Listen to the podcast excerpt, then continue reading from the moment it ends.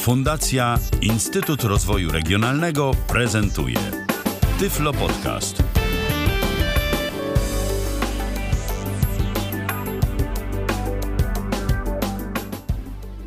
Witam serdecznie w kolejnym odcinku Tyflo Podcastu. Z tej strony Ala Witek. Jak zwykle e, jest mi niezmiernie miło, że zechcieli Państwo spędzić czas e, w towarzystwie e, Tyflo Radia. Państwa i moim gościem jest dzisiaj pan Grzegorz Rzeszutek. Witam serdecznie. Witam serdecznie panią, witam wszystkich słuchaczy. Witam i chciałabym przedstawić Państwu mm, temat naszego dzisiejszego podcastu będziemy e, rozmawiać, myślę, o e, bardzo po pierwsze ważnym, a po drugie z pewnością e, interesującym dla nas jako osób niewidomych temacie, temacie ojcostwa.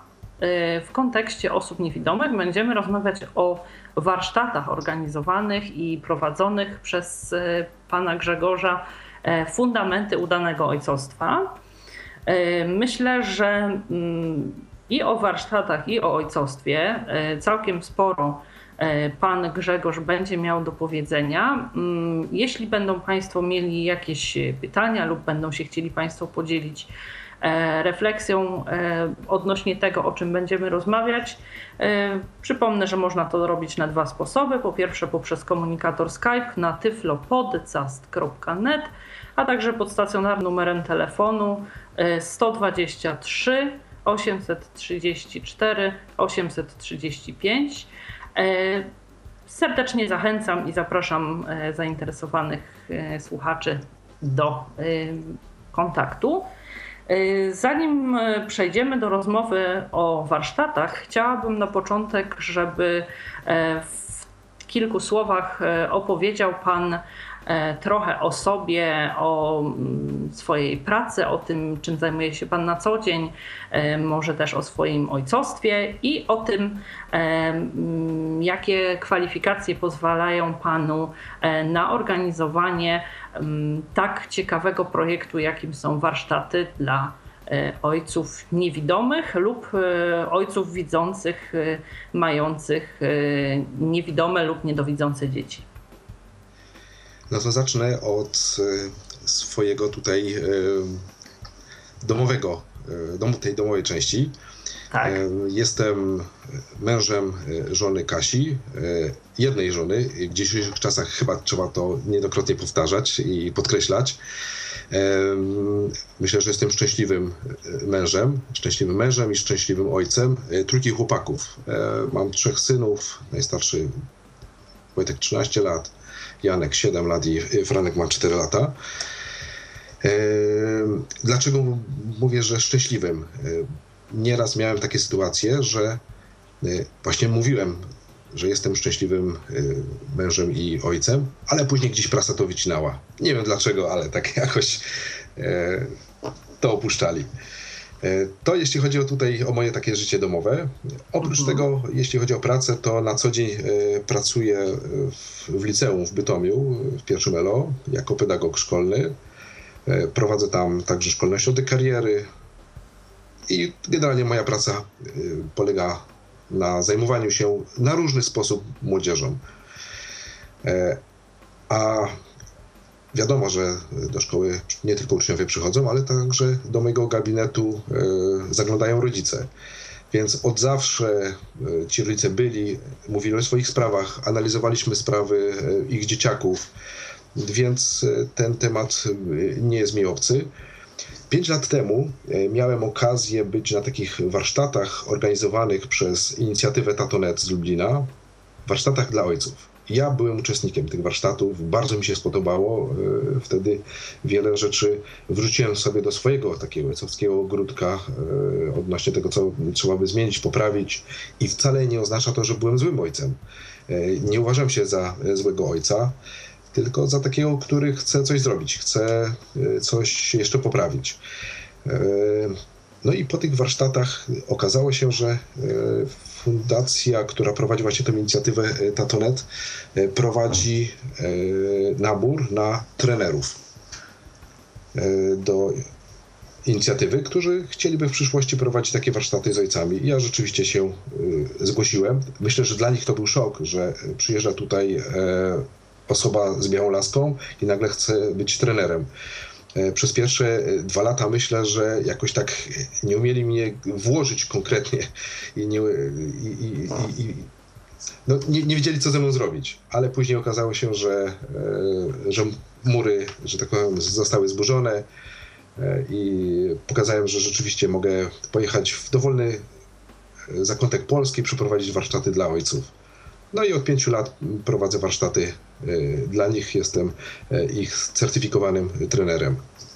Rozumiem, tak... że te warsztaty nie są e, i nie były dedykowane jakoś w szczególności osobom niepełnosprawnym czy osobom niewidomym.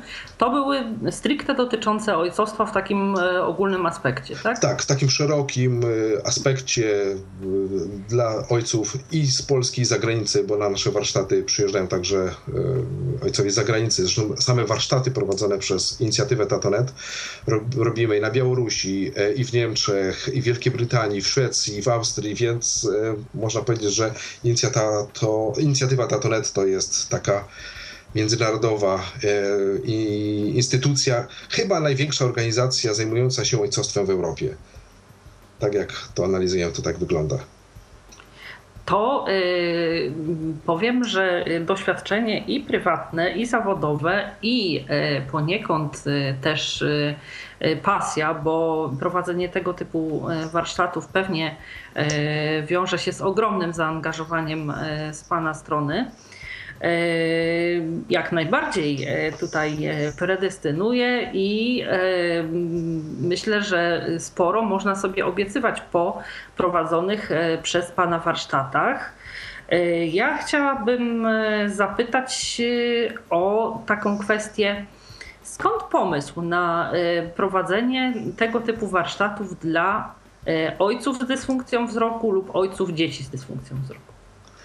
E, o tej pierwszej części, dlaczego warsztaty dla ojców, to już powiedziałem, mhm. a teraz dlaczego warsztaty dla ojców niewidomych. E, od wielu, wielu lat też e, tutaj na Śląsku prowadzę różnego rodzaju warsztaty, szkolenia dla osób niewidomych, słabowidzących, czy to grupowe, czy, czy indywidualne i z obsługi komputera, sprzętu specjalistycznego i też zajęcia z orientacji przestrzennej.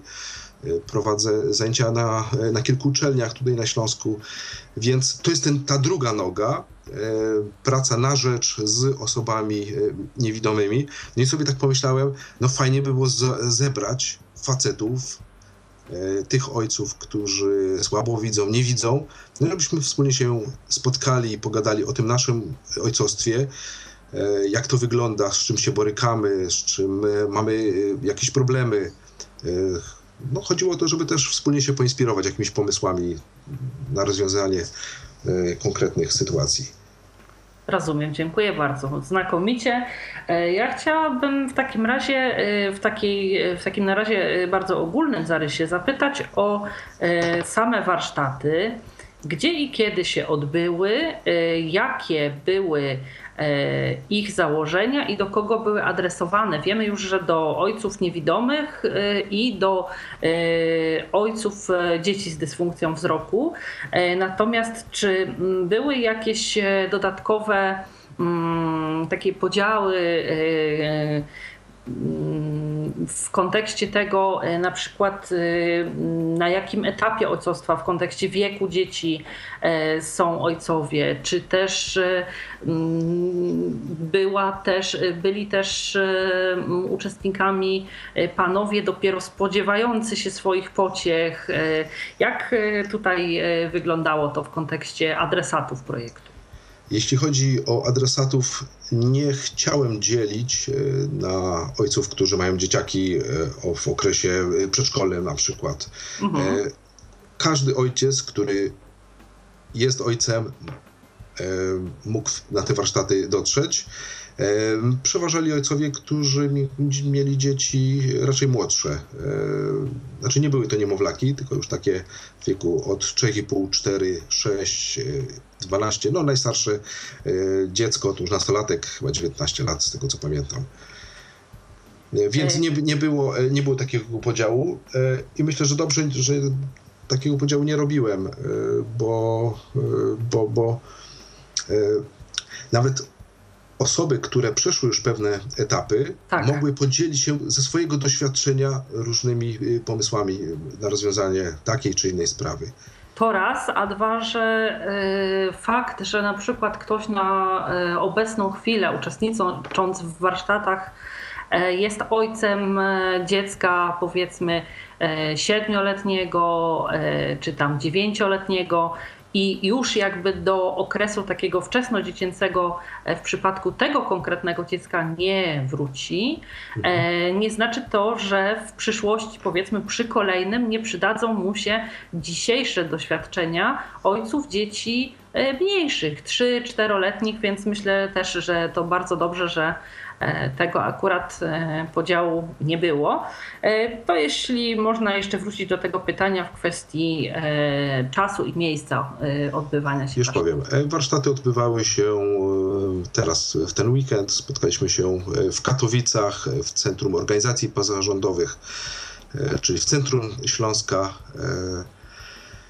I e, jeśli chodzi o, mm, o, mm, o frekwencję, bo pewnie też e, to jest ciekawe, i o sam nabór, e, wcale nie było tak prosto zebrać taką grupę ojców. To w, może się wydawać, że to nie powinien być problem, ale no, w którymś momencie rzeczywiście, rzeczywiście mm, obawiałem się, że może, może być trudno, ale udało się przeprowadzić warsztaty. No, w ostatniej chwili e, kilku ojców e, zadzwoniło, że dzieci się rozchorowały, ktoś tam zachorował e, i, nie mogą dotrzeć. Zadzwonił do mnie jeden pan z północnej części Polski i mówi tak, ja jeszcze nie mam dzieci, ale chciałem na te warsztaty przyjechać. Mam narzeczoną, która kurczę, tak troszeczkę się obawia, czy powinniśmy mieć dzieci w przyszłości, czy nie. Ja bardzo chcę, ona, ona nie jest do końca tego przekonana. I bardzo chciałbym na te warsztaty przyjechać, no tylko nie mogę. Czy pan będzie takie warsztaty organizował na północy Polski? Więc widać, że też e, zanim znaczy widać tutaj to zaangażowanie i takie, takie, taka, taką odpowiedzialność za, za przyszłość tej swojej relacji ze swoją partnerką i, i, i to, co w przyszłości może dziać się w ich rodzinie. Jasne.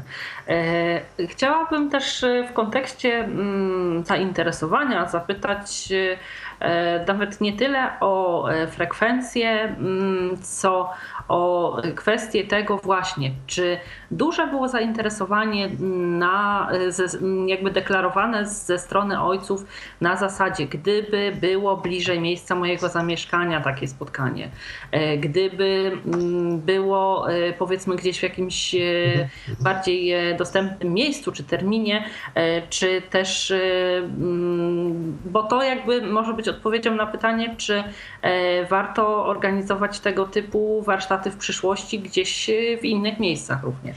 Mhm. E, dostawałem takie sygnały i tutaj pan z Podwrocławia, i, i z Warszawy, i z Siedlc y, y, odzywali się panowie. E, no to jednak jest no, troszeczkę, no, jest, jest to odległość e, tych miejsc, Jasne. które wymieniłem od Śląska i nie mogli sobie na to pozwolić. Ja zdaję sobie sprawę, że grupa odbiorców jest grupą niszową. E, nawet zastanawiam się, nie prowadziłem badań, może ktoś prowadził i chciałby się e, podzielić, jak liczna jest grupa wśród jakiejś tam pewnej populacji osób e, z uszkodzonym wzrokiem, jak liczna jest grupa ojców. Bo ja mam trochę wrażenie, robiąc rekrutację, że na, na, przykład dzwoniłem do Kół Polskiego Związku Niewidomych i Wszystkie koła w naszym województwie e, dostały informacje, ale co się okazuje? Jak później dzwoniłem sprawdzając, czy rzeczywiście jakiś ojciec się od nich wybiera, to dostawałem takie informacje. A u nas to większość panów to jest 60, plus, a jak są młodsi, to w większości kawalerowie.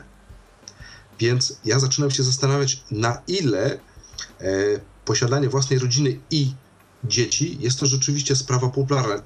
Tak mówię, nie prowadziłem badań, ale takie pytanie gdzieś e, w czasie realizacji tego projektu mi się zrodziło.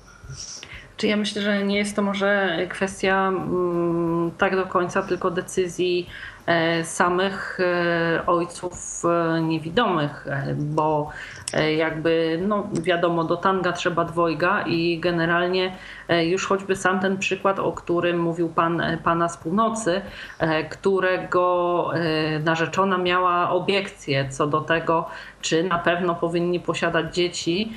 Myślę, że tutaj po prostu Mm, jakby mm, to chyba nie, nie jest tak e, tylko i wyłącznie kwestia popularności i decyzji pozostającej w gestii samych niewidomych ojców, czy też przyszłych ojców, tylko e, jeszcze no może e, jakoś będąc w związku z kobietą panowie mm, nie potrafią e, być na tyle przekonujący, że e, w roli mm, ojca, będąc osobą niewidomą, się sprawdzą, żeby e, też ułatwić podjęcie decyzji o posiadaniu potomstwa swoim żonom, partnerkom.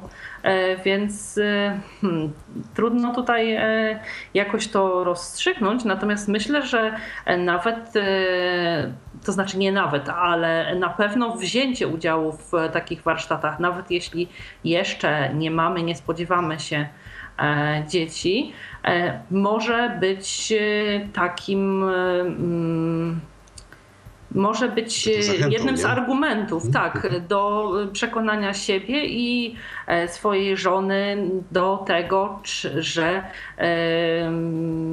jako ojciec się sprawdzimy. Może też być tak, że idąc na te warsztaty stwierdzi kandydat na tatę, że nie, że się nie sprawdzi, że jeszcze nie jest gotów E, bo to też przecież jest kwestią ogromnej dojrzałości i mentalnej, i emocjonalnej. To jest po prostu decyzja, która e, waży na całym przyszłym życiu i ojca, i e, jego żony, i dzieci z tego związku, więc tutaj myślę, że mm, tak czy owak warto E, udział w tego typu warsztatach brać. E, jeśli mogę, e, przez chwilę porozmawiać o kwestiach związanych z realizacją projektu, jego formułą oraz tematyką. Mhm. Chciałabym na początek zapytać, jakie organizacje, osoby były patronami, tudzież organizatorami tych warsztatów?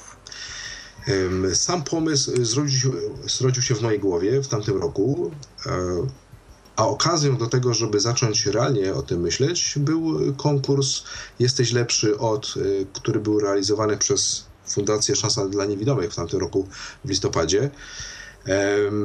I ten projekt mój złożyłem jako osoba indywidualna, e, nie przez żadną organizację, tylko jako osoba indywidualna. E, następnie e, tych projektów było dużo, gdzieś około 30. Było głosowanie internautów.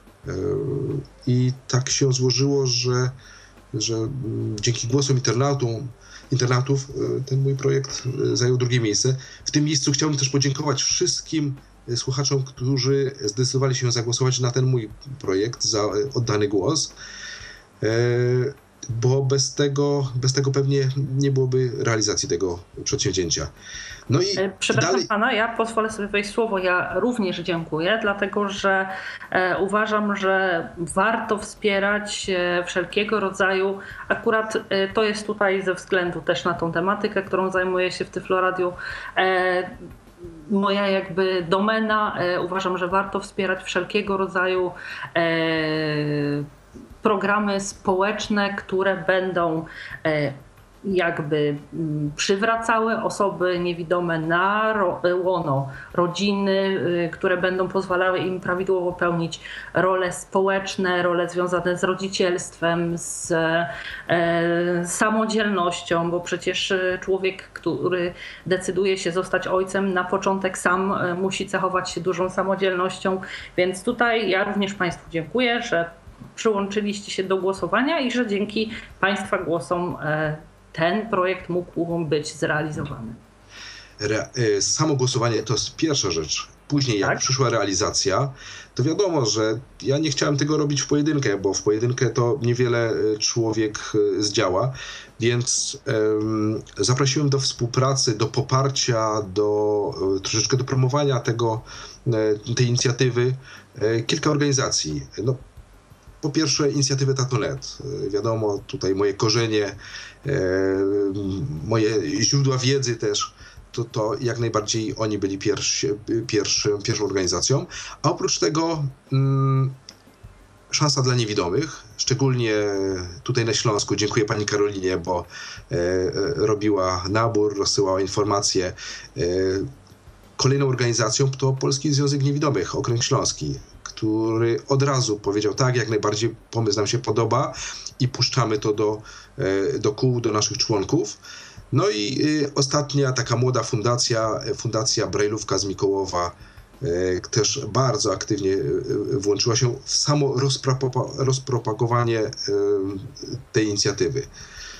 Mm, oprócz tego, oprócz tego Wysłaliśmy mnóstwo maili. Praktycznie chyba do większości szkół w województwie śląskim e, poszła informacja o takich warsztatów, po to, by złapać tych ojców e, widzących, e, którzy, mhm. którzy mają dzieciaki w szkołach masowych. Jasne. To tej strony takiej organizacyjnej, czyli ja tutaj byłem takim, takim głównodowodzącym, ale bez wsparcia organizacji tych śląskich to, to byłoby trudno. E, dziękuję bardzo. E, chciałabym zapytać teraz o formułę warsztatów. E, jak, na jakiej zasadzie były prowadzone? Czy były to prelekcje, czy były raczej stawiali Państwo na panele dyskusyjne między, prowadzone między uczestnikami, czy też były również, a może wyłącznie ćwiczenia praktyczne, w których ojcowie jakby próbowali wchodzić w e, prawidłowe i nieprawidłowe role w różnych sytuacjach. E, poszliśmy w, bardziej w panele dyskusyjne. Mhm. Mm, oczywiście one były przeze mnie moderowane. E, był cały program, cały schemat tego spotkania, który, który opierał się na takich kilku elementach. Pierwsze, jak to w dzisiejszych czasach wygląda, czyli my jako ojcowie jesteśmy osadzeni w naszych realiach XXI wieku, jak, jak to wygląda. No i później, e, później, później e, były, były fundamenty tego ojcostwa, czyli takich 10 zasad, ja to nazwałem sobie dekalog taki ojcowski, ale słowo dekalog to tylko po to, żeby pokazać, że było 10 tych takich tak, tak. elementów. Tak. To są takie obszary, w których, e, w których widać olbrzymią różnicę między ojcami, którzy się e, angażują, którzy są aktywni, którzy są odpowiedzialni, różnicę między właśnie tymi ojcami, a tymi, którzy no, troszeczkę mniej wagi do ojcowstwa y, przyjmują. Siedem a takich... byłby Pan uprzejmy y, pokrótce przedstawić y, słuchaczom ten dekalog? E, a jak najbardziej, to w, w, w kilku słowach. Jasne. E, odpowiedzialność i akceptacja dziecka. To od tego zaczynamy, to nawet bardzo mocno o tym Jan Paweł II wiele razy o tym mówił. E, kolejne to zaangażowanie ojciec powinien się angażować, powinien być obecny, e, powinien być dostępny w życiu dziecka. To drugi obszar. E, trzeci obszar, e, powinien ojciec znać dziecko i go aktywnie słuchać. To, to jest trzeci obszar. Czwarty obszar to um, powinien dbać o potrzeby i uczucia dziecka. No i tutaj w, w tym zakresie ojcowie rzeczywiście mają wiele do zrobienia. Mm, kolejny obszar y, to taka przewidywalność, konsekwencja, ojcowska stałość. E, kolejny obszar, już nie wiem, chyba szósty, tak, chyba szósty, mm, to e, dyscyplina, czyli ja jako ojciec, który utrzymuje dyscyplinę, wyznacza granice swoim dzieciakom.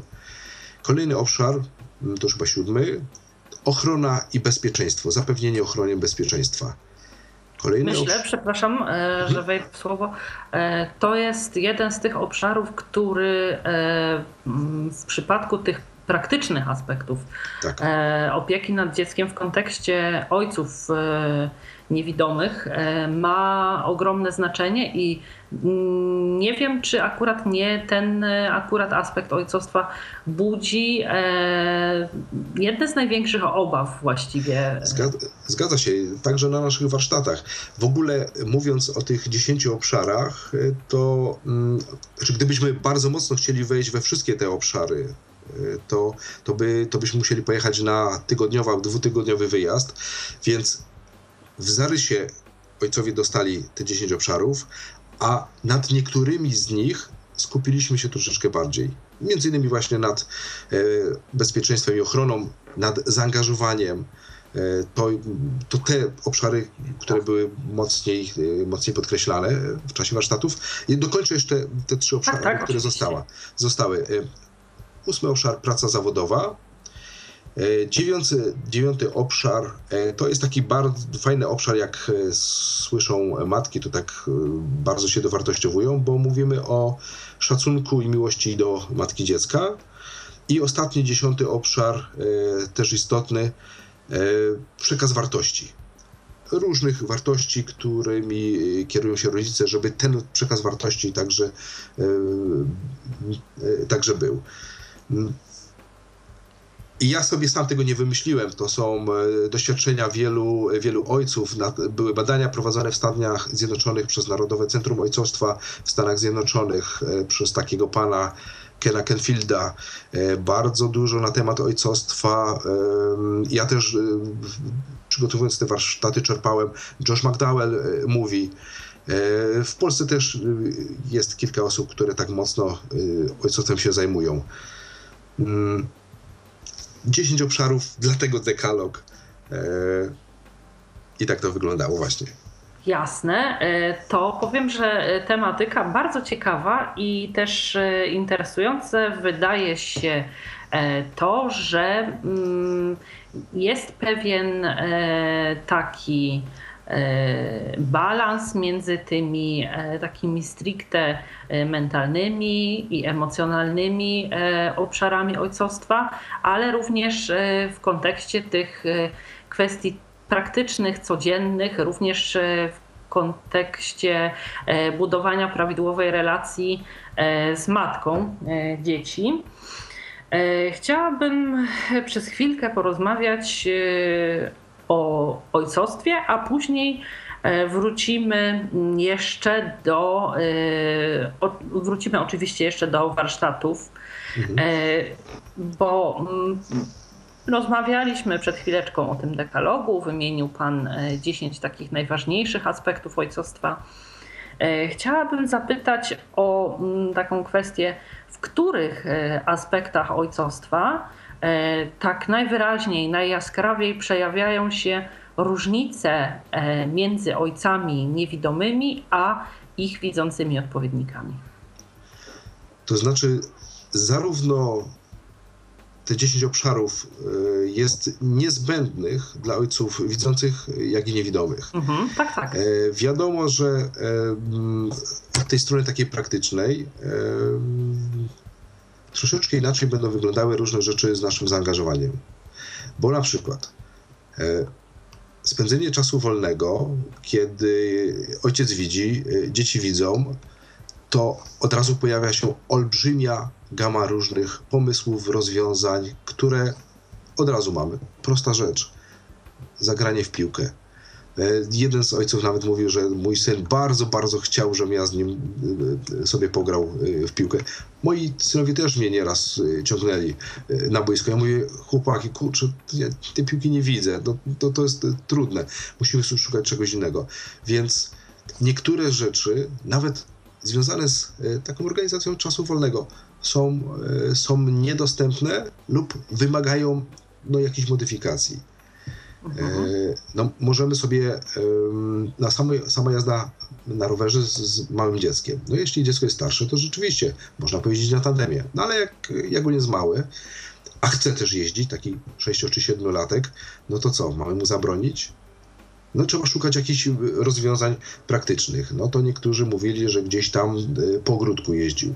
To ja znowu mówiłem, że ja sobie kupiłem ogródek na ogródkach działkowych, gdzie jest olbrzymia alejka i chłopaki mają prikaz. Za bramę jedną i drugą nie wyjeżdżacie, a środek to jest bezpieczna przestrzeń dla was. Więc szukaliśmy e, i dzieliliśmy się takimi sposobami, które w różnych sytuacjach mogą, e, mogą zadziałać. Mhm. E, a mm, tak? Tak, tak. No bo, proszę bardzo, bo ja już nie Chciałam zapytać, bo mówił Pan tutaj o tych kwestiach związanych właśnie z zapewnieniem bezpieczeństwa, z zaaranżowaniem wspólnego czasu wolnego. Chciałabym zapytać, które z tych aspektów już ogólnie, nie tylko w kontekście praktycznym, E, stanowią dla ojców największe wyzwanie, gdzie e, jest najwięcej pracy, gdzie wymaga to największego zaangażowania, e, przełamania jakichś własnych zahamowań, stereotypów E, być może jakiegoś własnego takiego, e, może nie tyle lenistwa, co e, typowo ludzkiej skłonności do pójścia gdzieś tam na łatwiznę, próbowania załatwienia czegoś na skróty. Które obszary tutaj jakby wymagają największego zaangażowania i są dla ojców największym wyzwaniem? Na pewno to, co już przedtem powiedziałem, zapewnienie różnego rodzaju potrzeb i właśnie te uczucia dziecka.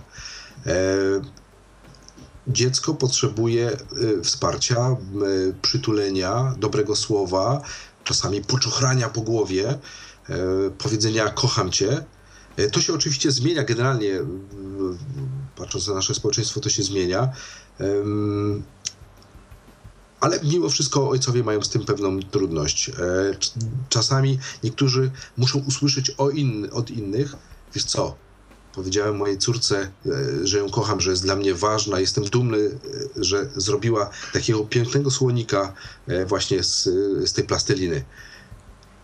I niektórzy otwierają oczy. Wow, że to jest ważne, że to jest potrzebne, że, że też tak trzeba. I to nie ma nic wspólnego tutaj, czy ktoś widzi, czy nie widzi. To jest po prostu ważne i jak ludzie nawzajem sobie dają taką informację, to, no to jest super.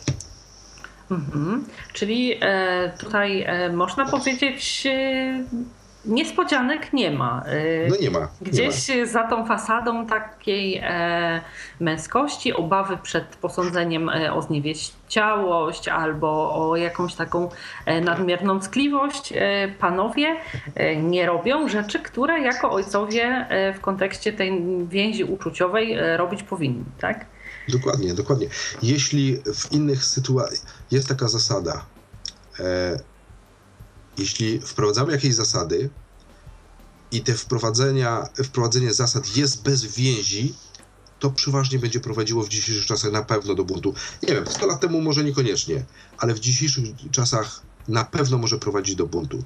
Czyli zasady bez więzi w krótszej czy dłuższej perspektywie poprowadzą do buntu. Ale jeśli są zasady, jeśli są zasady plus więzi, czyli te uczucia, równa się e, dobra relacja, zrozumienie e, przez dziecko. Zaufanie. No tak, zaufanie. Tak, tak, to, tak to wygląda.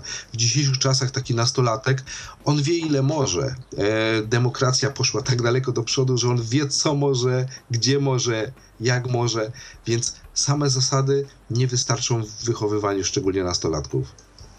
E, poza tym ja myślę, że też e, więź e, pomaga w tym, że wprowadzanie jakichś zasad nie odbywa się tylko na zasadzie jakby hołdowania pewnym pryncypiom, bo Dokładnie. E, ojciec tak powiedział, to tak ma być, bo mama tak mówi, to ja tak muszę robić i tak dalej, i tak dalej.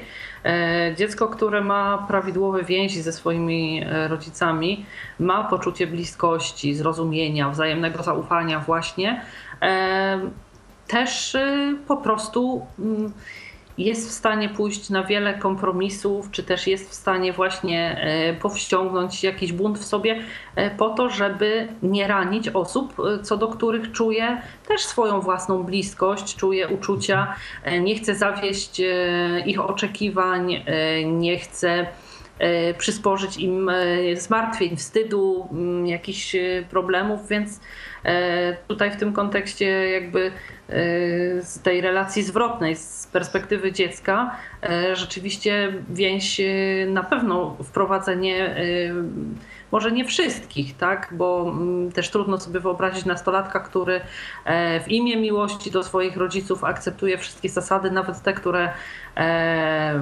powiedzmy, nie wiem, wydają mu się irracjonalne. Przecież rodzice też nie są nieomylni, tak? Są e, różni rodzice. Mm, bywają i tacy, którzy ponad dobrą relację z dzieckiem przedkładają utrzymanie za wszelką cenę własnego autorytetu. Więc tutaj jakby rzeczywiście to budowanie prawidłowej relacji i utrzymywanie tej mocnej więzi na pewno w tym pomaga. E, wspomniał Pan e, o tym, był to punkt bodajże dziewiąty e, z tego dekalogu, gdzie mm, było mówione o miłości, szacunku wobec matki dzieci. Mhm. Ja tutaj może tak nie mm, zupełnie w tym kontekście chciałabym porozmawiać, ale w kontekście osób niewidomych, będących ojcami, chciałabym zapytać e, o e, to ojcostwo panów niewidomych widziane oczyma ich żon, widziane oczyma matek ich dzieci, dlatego że mm, jest, wydaje mi się, mm, często problemem taka dysproporcja między tymi aspektami E, mentalnymi i emocjonalnymi, a tymi względami praktycznymi. Bo o ile e, w nawiązywaniu więzi uczuciowych z dziećmi, e, właśnie utrzymywania dyscypliny, nawiązywania jakichś takich właściwych relacji tak i tak dalej, tego wszystkiego, o czym Pan mówił, dysfunkcja wzroku nie jest aż tak dużą przeszkodą, to w kontekście organizowania czasu wspólnego, wolnego, e, organizowania e, wszelkiego rodzaju zabaw, wyjść, ogólnie pozostawania przez na przykład ojca niewidomego samemu z dzieckiem e, w domu, tak, żeby było to bezpieczne i nie wymagało zaangażowania, nie wiem, sąsiadów, teściowej, nie wiem, kogo tam jeszcze, znajomych i przyjaciół jest już y, taką kwestią, która mm, z doświadczenia y, praktycznego, rozmawiając z żonami ojców niewidomych, e, odnoszę takie wrażenie, że o ile panowie e, są przekonani, że to jakoś tam się e, odbywa, że całkiem dobrze akurat w tych aspektach sobie radzą, o tyle same panie nie oceniają już tego tak dobrze. W związku z tym chciałabym zapytać, czy to y, ojcostwo rzeczywiście może być y, pełne, satysfakcjonujące, udane również z perspektywy y, żon i matek, dlatego że to jest bardzo ważna kwestia. Bo posiadanie dzieci to jest jedna sprawa, a druga sprawa to jest utrzymywanie poprawnych relacji, właściwych, prawidłowych relacji, nie tylko z dziećmi, ale i z ich matką przez cały czas ich wychowywania. Wychowywanie jest procesem, zmieniają się etapy życia, potrzeby, e, zmieniają się też e, wszelkiego rodzaju jakieś okoliczności zewnętrzne, e, mające wpływ na to, jak rodzina funkcjonuje. Przydarzają się choroby, kwestie związane z utratą pracy, z trudnościami dzieci w szkole itd. Tak itd.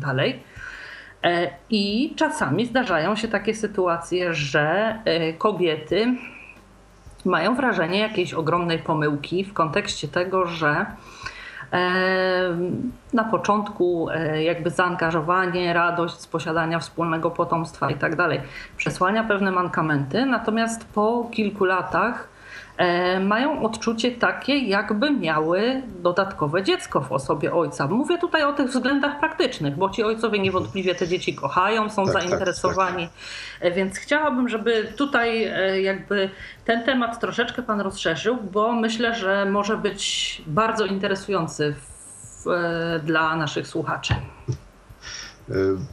Znaczy, nie chciałbym się tutaj wypowiadać jako autorytet, bo to by trzeba było rzeczywiście. Tak, tak, chodzi z, o doświadczenia z, te, ale powiem, które. Ale, mhm. ale powiem, powiem tak. E, czasami to, w jaki sposób zachowują się ojcowie, wynika z zachowań ich żon. I nieraz można tym żonom powiedzieć: Przecież pani wiedziała, kogo pani bierze. A może troszeczkę sobie pani go w taki sposób wychowała. Na przykład, nie widzisz, to ja muszę zająć się tym, żeby to dziecko wykąpać. Nie widzisz, to ty przecież nie możesz pchać wózyka do, y, do, do przedszkola. Ja to zrobię.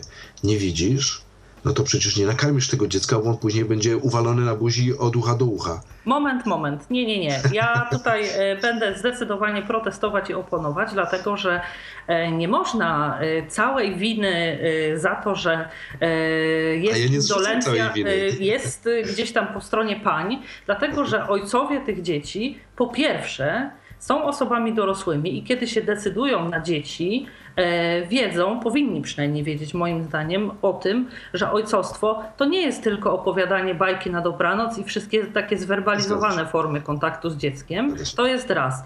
Dwa, powinni też jakby sami, będąc dojrzałymi i mm, zdecydowanymi na to ojcostwo ludźmi, e, dążyć do możliwie najszerszego kontaktu z dzieckiem, a trzy, w trosce o dobro swojej żony, partnerki, matki ich dzieci, powinni też mieć na uwadze to, żeby w maksymalnym e, jakby takim obszarze e, ją odciążać, tak? W kontekście tego, że są świadomi tego, że są na pewno takie rzeczy, przy których E, jej wkład e, w to zajmowanie się dzieckiem, zwłaszcza kiedy ono jest małe i kiedy to żona jest osobą widzącą i tak dalej, przynajmniej przy uczeniu ojca niewidomego, jak pewne jakieś czynności wykonywać, jest niewątpliwie większy, więc jakby y, samym takim czystym poczuciem przyzwoitości ten ojciec niewidomy powinien starać się tutaj wykazywać jakąś chęcią, zaangażowaniem i tak dalej, bez względu na to, co żona mu mówi. Zgadza się to nie to, że ja całą winę tutaj zrzucam na żonę, no nigdy bym tego nie zrobił. Nie, nie, to ja pokazuję tylko jeden element, który może się pojawić. Druga rzecz, dlaczego my mówimy na warsztatach e, o odpowiedzialności. Odpowiedzialność wynika z pewnej dojrzałości, e, a dojrzałość osiąga e, człowiek generalnie w swojej rodzinie. A w dzisiejszych czasach E, wielu facetów nie osiąga tej dojrzałości i nie jest odpowiedzialny za siebie, za to, żeby zdobyć pracę, żeby, tak. żeby coś ze sobą zrobić. Mamy mnóstwo Piotrusiów, panów, tak, e, wojowników, którzy, którzy, którzy e, no, tutaj mieczem chcieliby woj wojować, ale jak przychodzi do, do tego, że trzeba się zająć rodziną, dzieckiem, to, to, to rezygnują, uciekają. Na przykład ja mam dużo takich doświadczeń, gdzie gdzie są ojcowie widzący i e, spotykają się z problemem niepełnosprawności swoich dzieci. I tu mnóstwo facetów też, e, też rezygnuje. Jak patrzyłem na tych panów, którzy przyszli e, na zajęcia w Katowicach, to ja byłem naprawdę zbudowany ich postawą i ich zaangażowaniem. Generalnie widzę, że na warsztaty przychodzą ojcowie, którzy szukają tego, co jeszcze mogliby tak. dobrego dla swojego ojcostwa zrobić. I na te warsztaty przychodzą panowie, którym o coś chodzi, ale właśnie. Ja właśnie. mówiłam o tych panach, którym no tak schlebia to, że są tatą. Oni się pochwalą, że mimo są, że są osobami niewidomymi, e, to mają dzieci, że jakoś tam się nimi zajmują i tak dalej. I oni nawet e, nierzadko mm, tą swoją rolę jako ojca postrzegają jako spełnioną, jako pełną i tak dalej. Tak, tak tylko zupełnie inaczej wygląda to z perspektywy ich partnerek. I tak, tak może być, ale myślę, że to nie odbiega od jakiejś średniej krajowej. I tu e, to, że mm, ci faceci nie widzą, e, to, to myślę, nie upatrywam tego problemu akurat e, w tym zakresie. To, co wcześniej powiedziałem, brak wzorców ojcostwa, brak tego, że faceci nie dorastają do tego, żeby e, zająć się nie tylko samym sobą, ale także e, tą drugą osobą i trzecią i czwartą, która może się w rodzinie pojawić, to, to z tego to wynika. I generalnie jest to e, problem ojców, niezależnie czy widzą, czy nie widzą. Okej, okay, to odejdźmy na chwilę od tych dywagacji, dlaczego tak jest. Spróbujmy terapii krótkoterminowej ukierunkowanej na rozwiązania. Proszę powiedzieć, co w takiej sytuacji żona osoby niewidomej powinna robić. W jaki sposób? Oczywiście nie chodzi mi o to, żebyśmy odmieniali wszystkie przypadki przez wszystkie przypadki, tak? Generalnie jaka powinna być ta jej postawa e, wobec męża, żeby e, zwrócić najpierw jego uwagę, że ona chciałaby może, żeby w innych aspektach też się angażował w to ojcostwo. Mm -hmm. Żeby e, jakoś z, była w tym jakaś konsekwencja, że nie tak jak ona stoi nad nim i patrzy, to on tam po prostu tym dzieckiem się będzie zajmował, a jak przestanie patrzeć, odwróci głowę, to on pójdzie z powrotem do komputera, a dziecko niech się bawi samo, tak? Mm -hmm,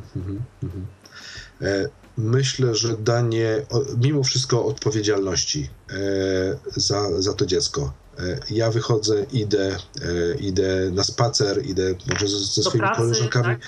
do pracy ze swoimi koleżankami. Ty zostajesz, no do tej pory ja robiłam to, to i to. Myślę, że to mnie przerasta e, i oczekuję od ciebie, że jednak zajmiesz się też tymi rzeczami, którymi do tej pory ja się zajmowałem. Czyli po pierwsze, danie większej odpowiedzialności, po drugie, jasno mówienie o swoich potrzebach. Nieraz jest tak, że że żona myśli, że on się domyśla, a on co się domyśla, on się nie domyśla. E, a ona myśli, że on wie, a on nie wie. Dlatego jasno mówienie o swoich potrzebach. E, I nie chciałbym, żeby to były takie proste, no, dobre praktyki proste, bo to może być bardzo trudne w wielu tak, sytuacjach. Tutaj chodzi o mi tylko wieloletnie, ten, wieloletnie, taki... zaniedb no, wieloletnie zaniedbania, e, czy jakieś właśnie pójście w, w jakimś kierunku tego ojca, E, no niekoniecznie może spowodować, że nagle będzie inaczej, nagle, nagle, nagle będzie lepiej. Ale na pewno odpowiedzialność, mówienie o swoich e, potrzebach, o swoich uczuciach, o swoich emocjach w danej sytuacji, jest bardzo ważne. Też może I o może, swoim zmęczeniu, o jakimś takim zawodzie, o tym, że dokładnie, e, dokładnie. gdzieś po prostu e, jest u kresu wytrzymałości i że sytuacja musi się zmienić.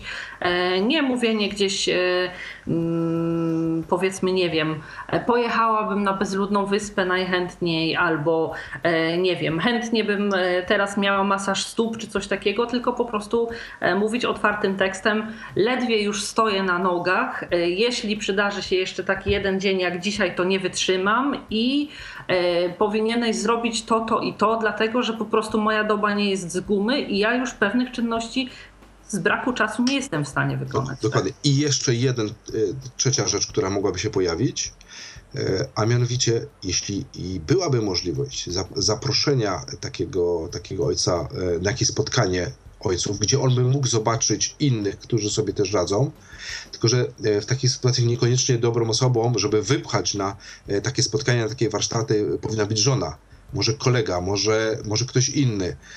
E, może temu facetowi brakuje naprawdę wzoru dobrego ojca. Może on sam takiego wzoru dobrego ojca e, nie miał. Z czegoś to musi, e, musi wynikać. Tutaj by trzeba po, poszukać e, w konkretnych przypadkach co i jak. Wie pan, to jest też troszkę tak, że jak gdzieś pod skórą cały czas czuję, że to mówienie o tych wzorcach ma sens na pewno. Ma sens mówienie o tym, że kobiety o pewnych rzeczach nie mówią wprost. Tylko proszę też zwrócić uwagę na taki aspekt pokolenie dzisiejszych matek, y, dwudziestokilkulatek, trzydziestolatek, bo ten y, wiek się opóźnia, kiedy panie zostają matkami, to jest pokolenie córek kobiet bardzo zapracowanych. Kobiet, które chodziły do pracy, kobiet, które wychowywały dzieci, które wystawały w tych niekończących się kolejkach, które troszczyły się o wszystko to, co powinno być w domu, a czego żadnym cudem zdobyć nie było można. I w tym całym chaosie gdzieś te prawidłowe wzorce macierzyństwa były, nawet jeśli nie w szczegółach, to w ogóle na tyle, że y, można mm, jakby ocenić, że Różnie jest z wykonaniem tego, tak? bo mhm. też różnie bywa z konsekwencją i tak dalej, i tak dalej, ale generalnie, mimo tych właśnie takich trudnych czasów, w których panie się wychowywały, te wzorce, jeśli chodzi o samo zaangażowanie w macierzyństwo, o świadomość tego, że macierzyństwa nie można sobie odpuścić, że to jest ważna kwestia, że jak się już ma dziecko, to należy się nim zajmować we wszystkich możliwych aspektach i tak dalej, i tak dalej, y, jakoś panie nie mają z tym problemu. No, panami widać jest trochę inaczej i widać, że trzeba o tym e, ojcowstwie mówić, o, o tym, że, że ono może być fajne udane, świetne, ale też musi być odpowiedzialne. No, tak, dla... ja właśnie bardzo się cieszę, że przyjął Pan nasze zaproszenie i to, o czym ja teraz mówię, w żadnym wypadku nie jest afrontem e, w stosunku do ojców, tych, którzy nas tak, słuchają, czy tych, którzy byli gośćmi, e, uczestnikami, przepraszam, e, organizowanych przez Pana warsztatów. Próbuję tutaj jakby pewne rzeczy jakby uporządkować, tak żeby były widziane we właściwych proporcjach, że jednak to zaangażowanie po stronie ojca jest ważne, jest niezmiernie ważne i to nie jest tak, że e, dziecko może wychowywać sama mama, a ojciec może się temu jakoś tam biernie przyglądać i to wystarczy po prostu, że rodzinę uświetni samą swoją obecnością. Tak? Dokładnie. E, ten aspekt zaangażowania, patrząc na te 10 obszarów, to jest e, ten obszar, w którym już tak patrząc na wyniki badań przeprowadzonych na, na tych tysiącach ojców, gdzie widać właśnie przy tym aspekcie, przy tym obszarze największą różnicę między tymi odpowiedzialnymi ojcami, a tymi, którzy, którzy tej odpowiedzialności powinni się jeszcze uczyć. Jasne. Myślę, więc, że... więc i tak doszliśmy do tego samego, tylko z różnych stron. E, jasne. E, także e, tutaj zachęcamy panów do korzystania z sposobności brania udziału właśnie w warsztatach nawet niekoniecznie, Nawet nie tylko nie, niekoniecznie, na, się, tak. niekoniecznie e, zapraszam do udziału w tych warsztatach, które ja organizowałem, ale w mhm. całej Polsce e, warsztaty dla ojców są organizowane, więc w swoim mieście można patrzeć akurat może, o w Szczecinie w maju są warsztaty, w Warszawie, we Wrocławiu i tam też można wiele, wiele fajnych rzeczy się dowiedzieć. Jasne, ślicznie Panu dziękuję. E, to teraz sobie e, tak myślę troszeczkę e, łagodniej porozmawiamy. Chciałabym zapytać, gdzie mm, były te największe źródła niepewności, jakby takiej niekompletnej wiedzy i tak dalej, i tak. W jakich obszarach panowie mieli najwięcej pytań co do tego właśnie prawidłowego formatu ich ojcostwa? Y, to powiem właśnie, gdzie, y, które obszary najwięcej czasu nam zajęły. Mhm. Y, mówiliśmy sobie na, w którymś momencie o takich sześciu etapach tego ojcostwa, sześciu etapach, no nie sprintu, bo jednak ojcostwo to jest pewien maraton. I na tym, w czasie tego maratonu różne rzeczy mogą się zdarzyć. Na przykład przydarza się sprawa pomocy dziecku w nauce która gdzieś na poziomie przedszkola jeszcze nie jest tak istotna, ale dziecko trafi do szkoły podstawowej e, i później dalej. No i tutaj no, dużo, dużo naszych dyskusji było wokół tego tematu e, prowadzonego i do czego żeśmy doszli. E, no, po pierwsze, żeśmy dzielili się różnymi ciekawymi rozwiązaniami. Jeden ma takie, drugi inne, ale na czym stanęło? Ważna jest na przykład znajomość Braille'a. Mimo wszystko, jeśli chcemy dziecku na przykład bajkę przeczytać, no to czytanie bajki przy pomocy syntezatora mowy, gdzie tam co je, słucham, odsłuchujemy jedno zdanie, później powtarzamy, to zupełnie mija się z celem. Więc wracamy do, e, do podstaw. Braille jest tutaj niesamowitą pomocą, bo można sobie albo wydrukować, albo na jakimś e, urządzeniu e, brailleowskim czytać i to będzie fajne, płynne więc, więc to. Druga rzecz, która, e, która w, w, w nauczaniu jest bardzo, e, bardzo ważna, to mimo wszystko ten ojciec, e, niewidomy słowidzący, powinien być jakimś specjalistą troszeczkę od tych nowych technologii. Bo y, książkę, podręcznik jakiś, może da się wrzucić na skaner, zeskanować i już ten tekst będzie. Oczywiście wiele książek zupełnie w taki sposób nie da się przerobić. One, one są niedostępne i o tym też żeśmy mówi, yy, mówili. Ale już tu jakiś sposób towarzyszenia jest. No bo na przykład siadam z, yy, z moim średnim synem i teraz tak, no chcę, żeby on mi yy, coś poczytał.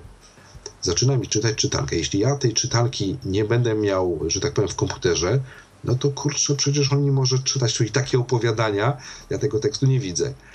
Więc e, doszliśmy do tego wniosku, że naprawdę trzeba zawalczyć e, o to, żeby być też w tych e, nowych technologiach w miarę sprawnym. I Poza tym to jest też kwestia takich choćby prostych rzeczy, jak odpytywanie dziecka z lekcji, tak? Ma no, do zapoznania się z jakimś tekstem z podręcznika do historii, do geografii, do biologii, człowiek, który chodził powiedzmy, nie wiem, do tej szkoły podstawowej 20 lat temu, e, już e, no, trudno jest z głowy e, gdzieś tam, zwłaszcza, że i podstawa programowa się zmienia i podręczniki są inne. Oczywiście pewna ogólna wiedza nadal pozostaje taka sama, ale jednak tutaj no, jakoś trzeba być na bieżąco z tym, czego dziecko się uczy, tak? Z zeszytami jako osobie niewidomej no trudno jest, bo to jest druk no, pisany odręcznie. To jest taka rzecz, którą żeśmy tak. wspólnie ocenili. No, nie jesteśmy w stanie zapanować nad tym, jak dziecko e, pisze. pisze, i uczy się mhm. pisać, to, to, wszyscy zgodnie jednym chórem e, stwierdziliśmy. No iż w, w, tym zakresie tutaj różne sposoby. No, ci, którzy mają żony widzące, to akurat scedowanie tej czynności na nich. E, może jakaś babcia, która widzi, może częstszy kontakt z, z, z nauczycielem, może jakieś zajęcia dodatkowe w świetlicy, gdzie, e, gdzie, gdzie e, właśnie nauczyciel, który pracuje w świetlicy, mógłby ten aspekt tutaj, nie chcę powiedzieć, za, za, tak. nie chcę powiedzieć, że za nas, no bo my nie jesteśmy w stanie tego zrobić, ale z dzieckiem na tym popracować. Um, sprawdzenie prostej rzeczy, na przykład e, dziecko przychodzi cały czas z, z, różnymi pytaniami. Jak mamy dostęp do internetu, do, e, do Google, do innych wyszukiwarek, szybko możemy to sprawdzić. I już. I ten tata e, nie jest jakimś pantoflarzem, który słucha sobie tylko radia i, i nie jest w stanie odpowiedzieć dziecku na różne pytania, z którymi on przychodzi, ale to dziecko widzi, tata, kurczę, siada przy komputerze, sprawdza, przychodzi z odpowiedzią dla mnie. I w oczach tego dziecka taki, e, taki tata naprawdę wtedy może rosnąć.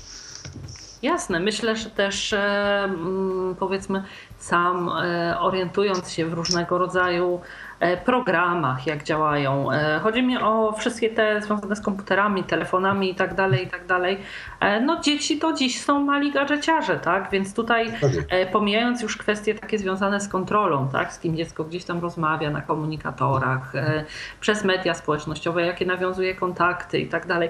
Oczywiście nie chodzi o to, żeby wyrywać dziecku jego telefon i sprawdzać i tak dalej, ale żeby po prostu nie było tak, że ojciec pyta dziecka, a co to jest ten Facebook, tak? No, no. Więc gdzieś e, taka orientacja musi być, żebyśmy po prostu też ogólnie, nie mówię tylko jako ojcowie, ale ogólnie jako rodzice e, jakąś tam, e, no, nie byli dla tego dziecka ludźmi, którzy gdzieś tam przeleżeli 50 lat pod lodem, tak? I do, do których nie ma sensu się o cokolwiek zwracać, czy z prośbą, czy z pytaniem, bo to są osoby niewidome i po prostu nic nie kumają, tak? Więc dokładnie, tutaj... dokładnie. E, to też e, jest, e, myślę, bardzo ważne. Dobrze, no to było tutaj tak, że tak powiem, spokojnie i delikatnie. To teraz chciałabym zadać kwestie związane z błędami, do których Mm, przyznawali się najczęściej ojcowie będący uczestnikami warsztatów i później zadam jeszcze e, drugą e, część e, pytania związaną z tym, jak układać powinno się prawidłowo relacje ojca, ale też ogólnie rodzica niewidomego z widzącym dzieckiem w kontekście pomocy. Ale to najpierw tutaj z błędami, zajmiemy się błędami właśnie popełnianymi przez uczestników najczęściej. Mhm. E, jeśli chodzi o same błędy, to za dużo tych błędów tutaj akurat ojcowie w tym zakresie nie chcieli się za dużo dzielić. Zresztą ja ich też e, nie zachęcałem do tego, żeby, żeby, żeby e, mówili o swoich błędach, bo chyba nie, nie o to chodziło. Znaczy, ale... bardziej chodziło mi o to, że na poziomie jakiejś refleksji, a to jakoś nie zwracałem na to do tej pory uwagi, albo nie mhm. zdawałem sobie sprawy, że i ten aspekt jest tak ważny, czy coś takiego. No, no właśnie to, to tutaj ta elektronika. Jeden z panów, mam nadzieję, że, że, że wyszedł z takim przekonaniem, że warto, e, warto zainwestować w komputer i, i pójść w kierunku tej, tej elektroniki. Mam nadzieję, że pozostali członkowie grupy na tyle go zmobilizowali do tego, żeby, e, żeby w tym kierunku poszedł. E, my też żeśmy sobie założyli taką, taką zasadę czterech ścian, że o kilku, o, jeśli pojawiły się jakieś trudne sprawy, mhm. to, e, to znaczy umówiliśmy się, że nie wynosimy tego na zewnątrz ale mogą się pojawić na przykład, o, co może być jakimś błędem, kto, który z perspektywy czasu yy, widać.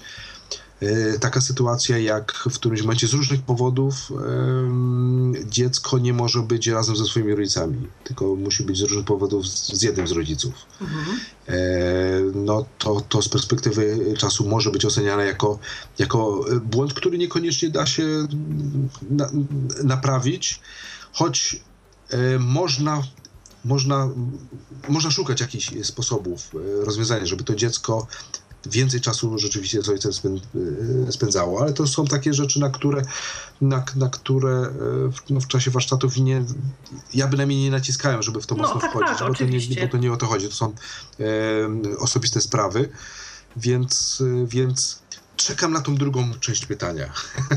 Tak, to jest kwestia taka, która E, ogólnie w naszym środowisku, sądząc z tego, mm, jakie komentarze pojawiają się na listach dyskusyjnych, e, jakie emocje budzi to podczas e, rozmów z osobami, nie tylko ojcami, ale ogólnie rodzicami osób niewidomych, to jest taka kwestia bardzo delikatna. Pan jest pedagogiem, pracuje pan w szkole i E, zapewne mm, zdaje Pan sobie sprawę, że mm, jakaś tam y, dysfunkcyjność w kontekście mm, przerzucania zbyt dużej odpowiedzialności za funkcjonowanie rodziny na dzieci zdarza się nie tylko w rodzinach osób niewidomych i to chciałabym z całą, że tak powiem, stanowczością podkreślić. Natomiast e, zdarzają się takie sytuacje, które widzimy w reportażach telewizyjnych, w, czytamy w mediach, tudzież znamy też nierzadko z własnych obserwacji, tak? ponieważ środowisko jest hermetyczne, wbrew temu, co się sądzi, e, osoby niewidome wzajemnie całkiem sporo o sobie wiedzą. E, i też e, mają, e, no po prostu jak to ludzie, e, różne zdanie na temat rodzicielstwa swoich znajomych jako osób niewidomych. Chciałabym zapytać o taką kwestię. Jak wyznaczyć granice między tym, czego niewidomy ojciec, rodzic może w aspekcie pomocy od swojego dziecka widzącego wymagać, a czego wymagać absolutnie nie powinien, dlatego że jest e, różnica między e, tym, że e, powiedzmy oczekujemy od dziecka jakiejś pomocy i to jest normalne, bo w rodzinie wszyscy wzajemnie oczekują od siebie pomocy przy jakichś czynnościach, powiedzmy, które są, że tak powiem, na miarę sprawności, dojrzałości wieku, tak aby nie były niebezpieczne, by nie były zbyt trudne, e, wymagające zbyt dużego wysiłku i tak dalej, e, żeby tej granicy nie przekraczać, żeby nie stało się tak, że dziecko, które E, zamiast poświęcać czas na swój rozwój intelektualny, emocjonalny, na budowanie więzi e, z przyjaciółmi, na e, poznawanie świata, na refleksję nad sobą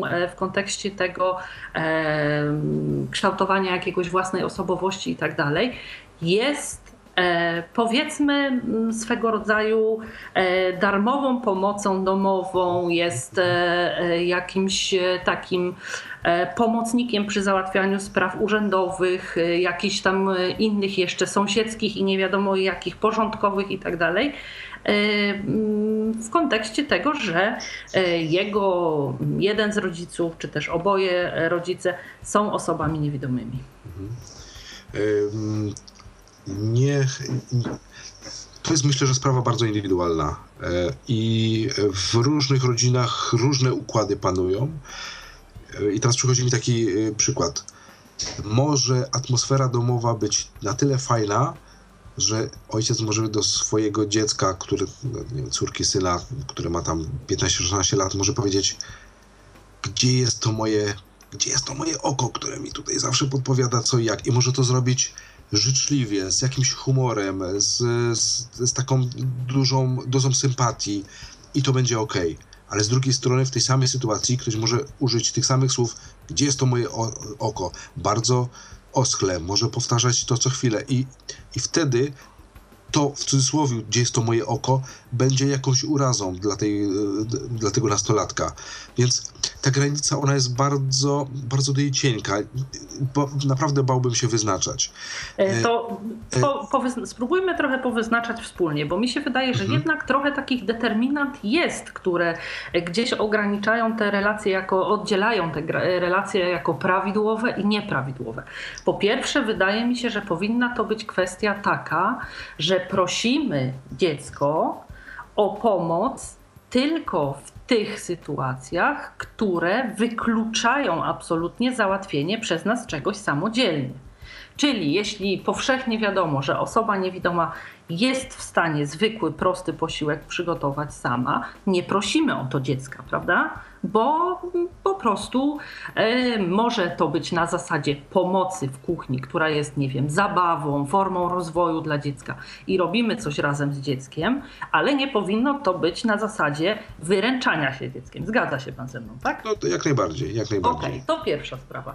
Druga e, determinanta to jest kwestia pewnej perna, e, takiej permanentności jeśli to jest sytuacja taka, gdzie na przykład jesteśmy spóźnieni, tak się zdarzyło, tak? Nie przyjechał nam autobus, pociąg, nie wiem, coś się zdarzyło takiego, e, musieliśmy się przebrać, bo zostaliśmy ochlapani przez samochód i tak dalej. I obawiamy się raz incydentalnie, że gdzieś możemy nie dotrzeć na czas, że ktoś na nas czeka i tak dalej, i tak dalej prosimy dziecko, jeśli oczywiście jest już e, na tyle duże, że może pomagać nam w dotarciu w pewne miejsca, żeby pomogło nam e, gdzieś tam pójść, bo będzie nam łatwiej, szybciej, albo na przykład chociaż odprowadzi nas na przystanek, gdzie będzie szybciej, powie nam, jaki to jest numer autobusu, a nie, że notorycznie traktujemy dziecko jak za przeproszeniem psa przewodnika. W drugim aspekcie też się pan ze mną zgadza, prawda? No, myślę, że, myślę, że tak. Świetnie. E, I kolejna sprawa, e, pamiętamy o tym, że nawet jeśli nie jesteśmy w pełni i super samodzielni, to jedynymi osobami, które mogą nam pomóc, nie są tylko i wyłącznie nasze dzieci. My mamy też rodzinę, mamy przyjaciół, mamy e, jednostki świadczące pomoc, które po prostu można się umówić z asystentem, który pomaga w prowadzeniu domu za drobną opłatą. Taką usługę świadczą MOPRY. Mamy e, wszelkiego rodzaju organizacje, które przecież organizują szkolenia, które pozwalają nam bardziej się usamodzielnić. Więc myślę, że tutaj też jest to kwestia pewnego takiego otwarcia się. Nie ma takiej możliwości, żeby ktoś myślał, że jedynym sposobem e, rozwiązywania wszelkich problemów, które mamy z samodzielnością, z zaradnością życiową, z tym, że pewnych czynności obawiamy się wykonywać sami, jedyną radą na to wszystko jest proszenie dziecka o pomoc, prawda? Bo myślę, że po prostu w pewnym momencie przeciążymy je do tego stopnia, że tak jak Pan mówił, e, nie będzie to już e, taką sytuacją, w której my to dziecko doceniamy, szanujemy jego wkład e, włożony w tą pomoc, gdzie ta pomoc odbywa się na zasadzie pewnej wzajemności, serdecznej atmosfery panującej w domu, tylko po prostu no, działa dziecko po prostu w kontekście y, darmowej pomocy domowej. Tak? Ja, jeszcze dodam, jeśli ja angażuję się w życie mojego dziecka i ono widzi, że w różnych sytuacjach ja pomagam mu w nauce, tak, tak, właśnie w robieniu różnych, różnych czynnościach. Wzajemności. jasne, ja jestem, dla, dlatego tutaj dla mnie ciężko wyznaczyć jakąś taką granicę. Dlatego wtedy myślę, że ja mogę, mogę mieć nawet prawo y, prosić go o troszeczkę więcej.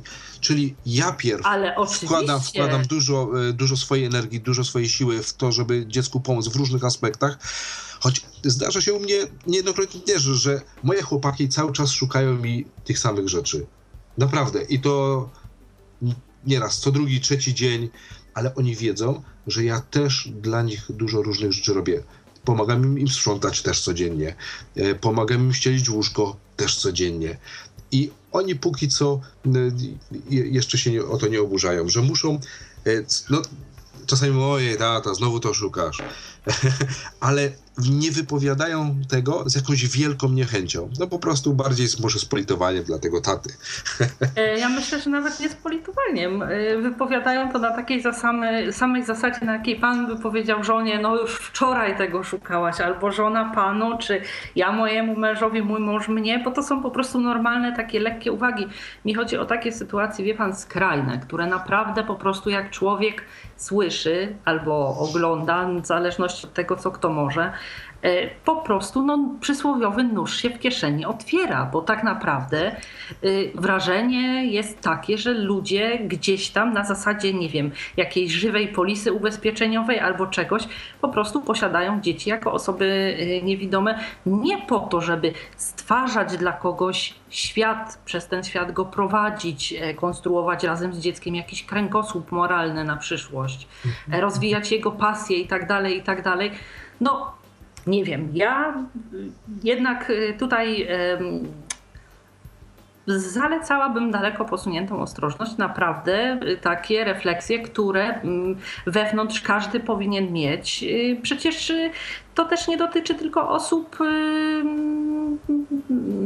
z dysfunkcją wzroku. To dotyczy ogółem rodzin, w których jakaś dysfunkcyjność jest, że ta odpowiedzialność y, no jakby nakładana na dzieci jest nieadekwatna do ich wieku, nieadekwatna do ich rozwoju emocjonalnego i to po prostu jest krzywdzące, więc po prostu wydaje mi się, że no, trzeba tutaj y, właśnie takiej delikatności, przepraszam, delikatności, y, czujności, a przede wszystkim miłości do swojego dziecka, bo jeśli człowiek swoje dziecko kocha, absolutnie y, jakby pierwszym i najważniejszym, nadrzędnym celem będzie to, żeby ten świat jego dziecka był e, światem pozytywnym, dobrym i takim e, pełnym prawidłowych wartości. Tak? I jeśli dziecko będzie miało takie poczucie, to zrobić dla tego e, rodzica swojego niewidomego pięć razy więcej.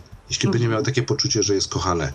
Jeśli tego nie będzie, to, no to, no to nawet najprostsza sytuacja, podanie szklanki, będzie, będzie zrobione przez, przez to dziecko. Będzie e, przykrym obowiązkiem. Wielką, tak, z, i, i zrobi to z wielką niechęcią.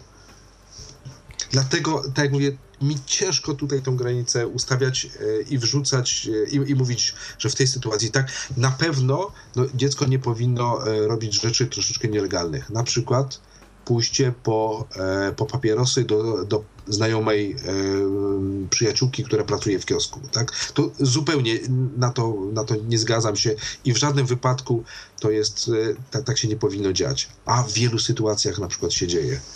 Jasne, ja też myślę, że powinniśmy mieć świadomość tego, że dzieci, zwłaszcza dzieci szkolne w dzisiejszych czasach, E, też są bardzo obłożone różnego rodzaju obowiązkami. One mają po prostu swoje obowiązki, na które muszą mieć czas.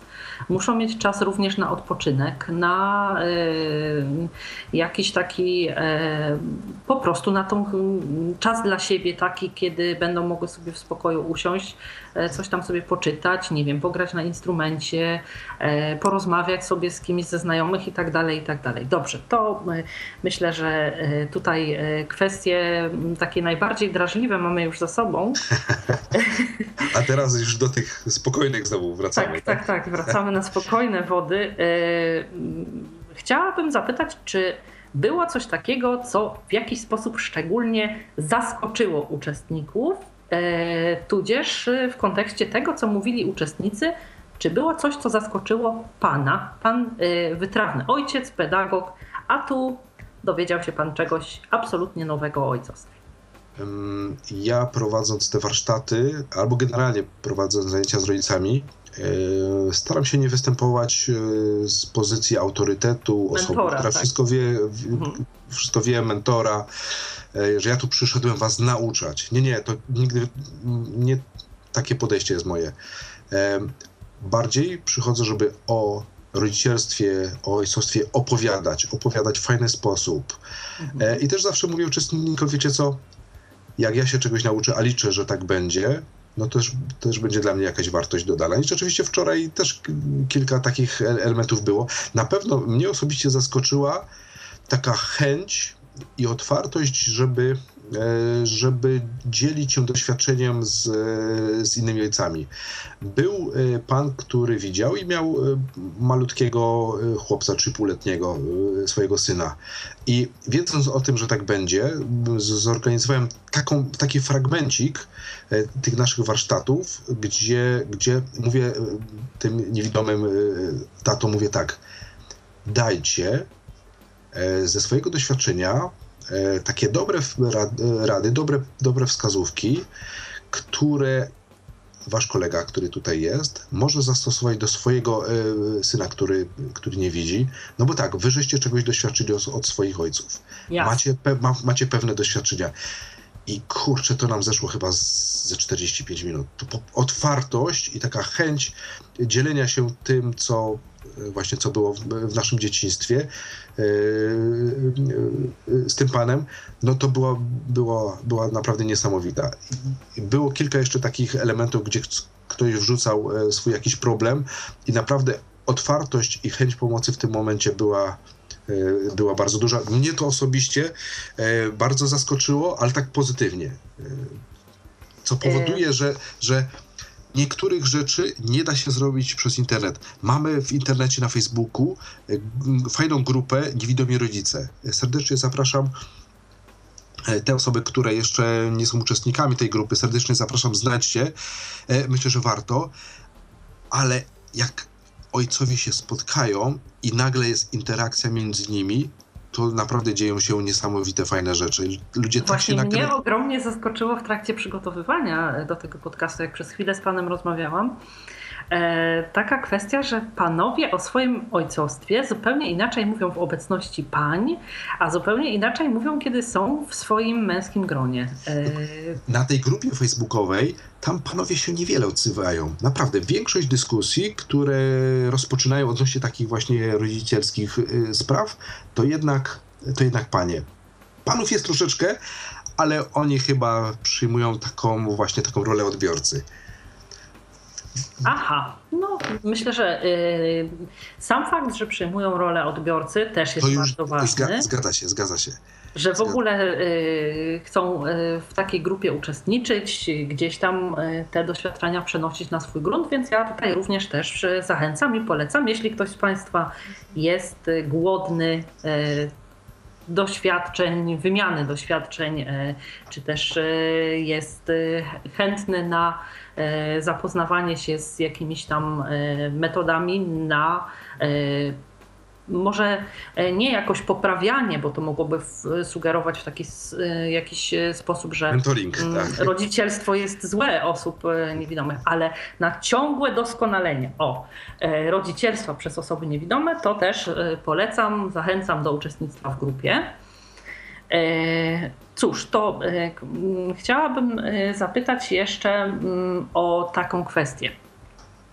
Czy e, również była możliwość dla panów próby takich czysto praktycznych ćwiczeń związanych na przykład z opieką nad małymi dziećmi, karmieniem, ubieraniem, myciem itd., tak itd., tak bo jak Kiedyś e, przyglądając się, byłam e, przez krótki czas na warsztatach takich dla pań, dla mam.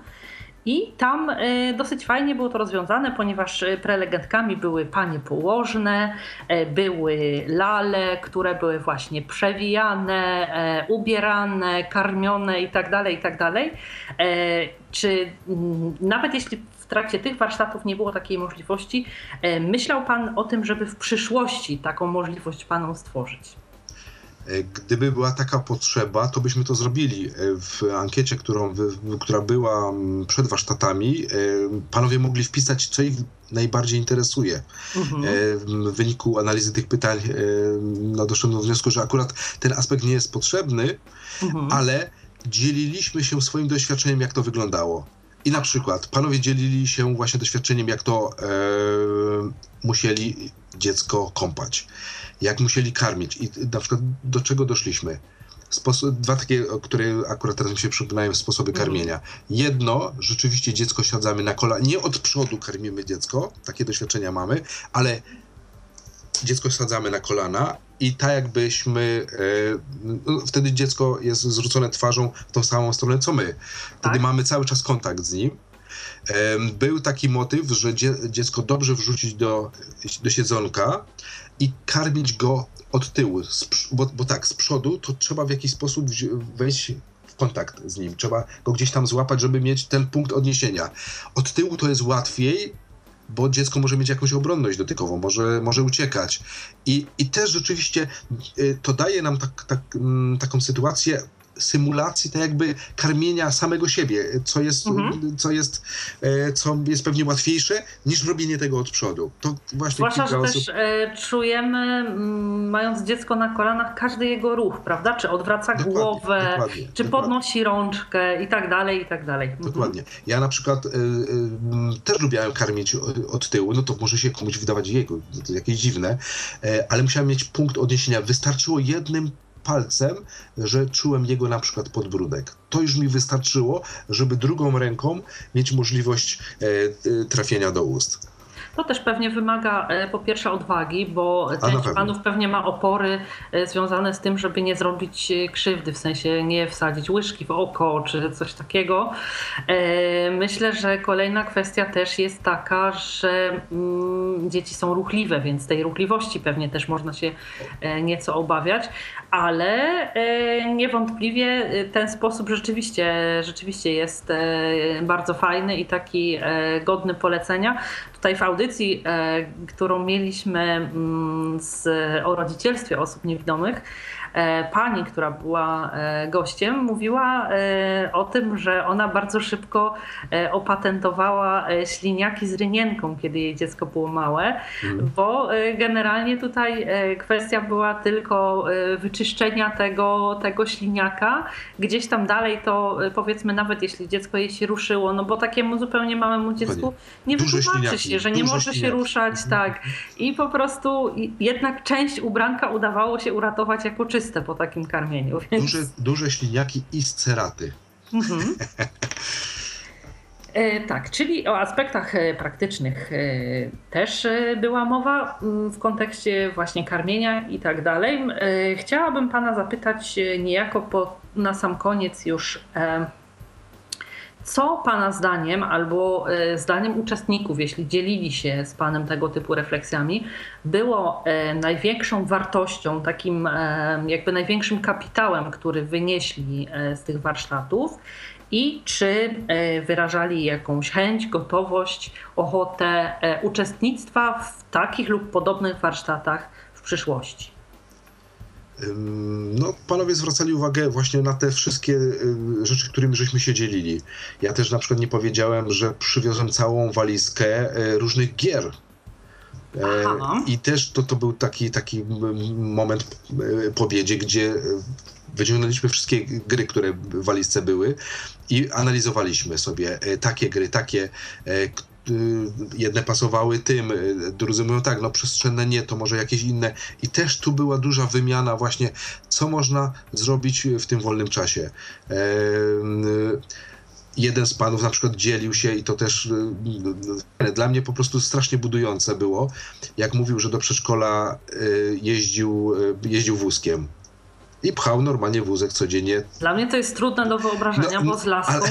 Y, jeszcze z psem to jakoś jestem w stanie sobie wyobrazić, ale z laską i z wózkiem trudna sprawa. No i to chyba nawet jest tego, co mi się przypomina, i dwóch panów o tym mówiło, że, że wychodziło na dwór i z, i z białą laską i z, i z wózkiem. Wydaje się nieprawdopodobne, ale to strasznie napędza pozytywnie e, pozostałe osoby, które tego słuchają. Więc mm-hmm. ja się nigdy na to nie, nie, nie pisałem. Bardzo. E, Mnie też jakoś bezpieczniejsze się wydają nosidła, prawda? E, tak, tak, tak. No ale czemu nie? Jeśli i widać, że udało się no, dzieci przeżyły. E, myślę, że w przypadku ojców e, takie troszeczkę ryzyko, podejmowanie ryzyka chyba jest, e, jest, jest większe. Znaczy, dajemy sobie ten większy taki margines, że, że na pewno się uda, a gdyby to no, jeden z panów mówi tak, jak widziały to, to przedszkolanki, to po prostu one były, one były w szoku. Po pierwsze, a z drugiej strony no, dziwiły się, że, że po drodze nic się nie stało. No tak. Więc, więc ale udawało się. To było fajne, to było motywujące. Jeśli chodzi o nasze spotkania, no umówiliśmy się na, na, kolejne. Niekoniecznie mm, to musi być właśnie Centrum Organizacji Pozarządowych. Może to być w cudzysłowie jakaś knajpa i takie luźne spotkanie na pewno będzie, bo, bo tutaj panowie wymienili się swoimi kontaktami i, i i na pewno następne spotkanie dojdzie do skutku. Bynajmniej w tej naszej grupie wczorajszej i przedwczorajszej. E, jasne. Ja tutaj e, oczywiście skupiłam się e, ze względu na naszych słuchaczy, na, tą, mhm. na tej grupie mm, ojców niewidomych. Chciałam jeszcze zapytać o kwestię tego typu. Pan przygotowywał również materiały do prowadzenia warsztatów, z którymi uczestnicy mogli się zapoznać.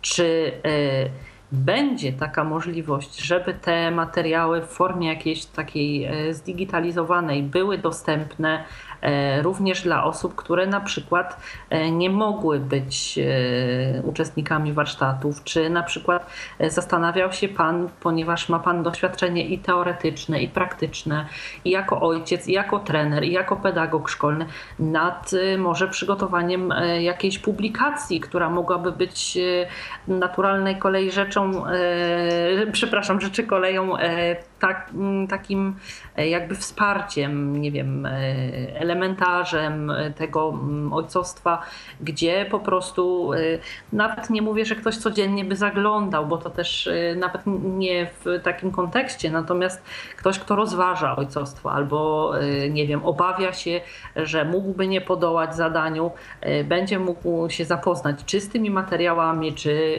z jakąś ewentualnie publikacją, bo ja myślę, że i materiały, i taka publikacja byłaby bardzo potrzebna i bardzo przydatna. Mhm. Kilka elementów udało, takich już ogólnodostępnych, które gdzieś do tej pory w necie y, były, udało mi się ściągnąć. E, jeśli chodzi o same materiały związane z, z warsztatami, to one są przede wszystkim przeznaczone dla ich uczestników. Dlaczego? Bo one są um, poszerzeniem tego, co żeśmy tego, co żeśmy mówili i poszerzeniem tych, tych ćwiczeń, które były. Aha, Więc czyli służą do tego, żeby na bieżąco z nich y, korzystać Tak, tak, tak, tak, tak. Mhm, dokładnie, dokładnie. I ci, którzy chcieli mieć to w wersji elektronicznej, mają to w wersji elektronicznej, na przykład te przesłane po warsztatach, ci, którzy chcieli te zeszyty wypełniać w czasie, bo jeszcze gdzieś wzrok im y, na to pozwalał, to robili to w czasie warsztatów, więc ten materiał jest stricte związany z samym prowadzeniem warsztatów. Ale to, o czym pani mówi, to jest jedno z moich takich, y, takich marzeń, żeby zebrać różne relacje. Ja tutaj mówię o ojcach, ale to mogą być relacje y, rodziców, właśnie jak w różnych sytuacjach sobie radzili. Ja mówię o ojcach, bo jakoś ten temat mi jest bardzo, tak, bardzo bliski, więc jeśli słyszycie mnie, panowie, macie swoje jakieś doświadczenia, przemyślenia, bardzo byłbym e, za to wdzięczny, gdybyście na e, mojego maila mogli takie swoje doświadczenia przesłać. E, wczoraj, znaczy wczoraj, zaczynając w sobotę warsztaty, mówię tak, panowie, przedstawcie się i powiedzcie o jakimś ciekawym, wesołym, nawet zabawnym wydarzeniu z waszego ojcostwa. I od tego żeśmy zaczynali. Nawet dzielenie się właśnie tymi takimi zabawnymi rzeczami. Ja zawsze mówię tak, moje ojcostwo to jest co? To takie trzy słowa charakteryzują go. E, troszeczkę dłużej, troszeczkę drożej i trochę inaczej. Ja bym mógł to rozwinąć. Myślę, że teraz e, nie ma czasu na to, ale tak rzeczywiście jest. Czasami e, dłużej, no bo niektóre rzeczy musimy zrobić dłużej, żeby tą, tą tak, książkę wolniej, przeczytać. Tak. Właśnie, drożej. No, jak mamy małe dziecko, to nie wystarczy jedną chusteczkę, żeby e, dupcie dziecka wytrzeć, ale żeby mieć pewność, że ona jest wytarta, to trzeba tych chusteczek trzy i inaczej. No wiadomo, jak e, uczestniczę w życiu swojego dziecka i idę na jakiś występ, to nie jestem w stanie no, zupełnie inaczej e, odbieram ten jego występ, więc jest inaczej. Te trzy słowa gdzieś jakoś mi y, towarzyszą, więc refleksje, którymi mogliby się panowie podzielić, i te wesołe, i te, te mniej ciekawe, te trudne, bariery, z którymi się spotykają, jak sobie radzą w tych sytuacjach, to może być inspiracja dla tych, którzy już są ojcami, ale także dla tych, którzy o tym myślą. Na przykład ten pan, który, o którym wspomniałem na początku audycji. Jasne. E, chciałabym zapytać w takim razie, e, czy byłby Pan uprzejmy podać jakiś ewentualnie adres, pod którym ojcowie mogliby się kontaktować po pierwsze w kwestii właśnie tych doświadczeń, a po drugie też, gdyby byli zainteresowani wzięciem udziału w podobnych warsztatach, gdyby Pan je organizował, gdzie mogliby znaleźć informacje odnośnie tego, gdzie, kiedy te warsztaty by się odbywały, jaka byłaby ich tematyka i tak dalej. To ja troszeczkę obrócę e, sytuację i powiem tak. Jasne. tak. Myślę sobie, że takim e, dużym znaczy takim miejscem, gdzie jest sporo ojców, których nawet sam osobiście znam, jest stolica. I sobie myślę tak, jeśli zgłosiliby się panowie, którzy chcieliby w takich warsztatach uczestniczyć, na przykład w Warszawie, i zgłosiłaby się grupa, jeśli będzie grupa 10-12 osób, więcej nie trzeba, bo to, to jest grupa warsztatowa idealna, optymalna. właśnie taka jest. To jest optymalna grupa. To wtedy będziemy szukali e, możliwości zorganizowania takich warsztatów e, w stolicy. Może jakieś stowarzyszenie chciałoby się e, włączyć ze stolicy i pomóc nam w, w tym całym, w, w całej organizacji. Ale pierw szukajmy ludzi, którzy, którzy chcą, ja na Śląsku troszeczkę y, ludzi znałem, więc postanowiłem pierw tutaj to zrobić. Ale tak sobie myślę i moje drogi kierują się w stronę stolicy, żeby następne warsztaty tam zorganizować. Jasne. E, ślicznie dziękuję. E, gdybym jeszcze mogła ten adres, e, o którym mhm. wspominał Pan, gdzieś tam do kontaktu w kwestii tych doświadczeń, którymi mhm. ojcowie mogliby się z Panem podzielić. To już podaję. Mail jest taki: szkolenia małpa blind.pl. Słowo blind to jest niewidome po angielsku. E, przeliteruję. B jak Bożena, L jak Lucyna, I jak Irena, N jak Natalia, D jak Danuta. Tak. E, I też e, z tego, co wspominał Pan przez grupę facebookową e, Niewidomi Rodzice, można ewentualnie szukać z Panem kontaktu, tak? Czy Myślę, że spokojnie też tam też można, na Facebooku można mnie znaleźć. Zresztą jak ktoś pewnie wpisze moje imię, nazwisko, telefon, to pewnie w internecie też się pojawi. Jasne. Bardzo, bardzo serdecznie dziękuję Panu za przyjęcie zaproszenia do Tyfloradia. Dziękuję, że mm, opowiadał Pan bardzo ciekawie o warsztatach i niezwykle zajmująco o samym ojcostwie.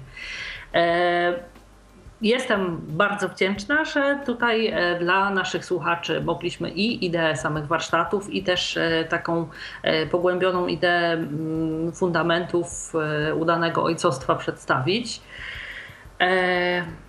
Życzę powodzenia i w prowadzeniu tego typu warsztatów dla dedykowanych w szczególności osobom niewidomym i e, też e, oczywiście w tych warsztatach, które prowadzi Pan ogólnie w kontekście ojcostwa.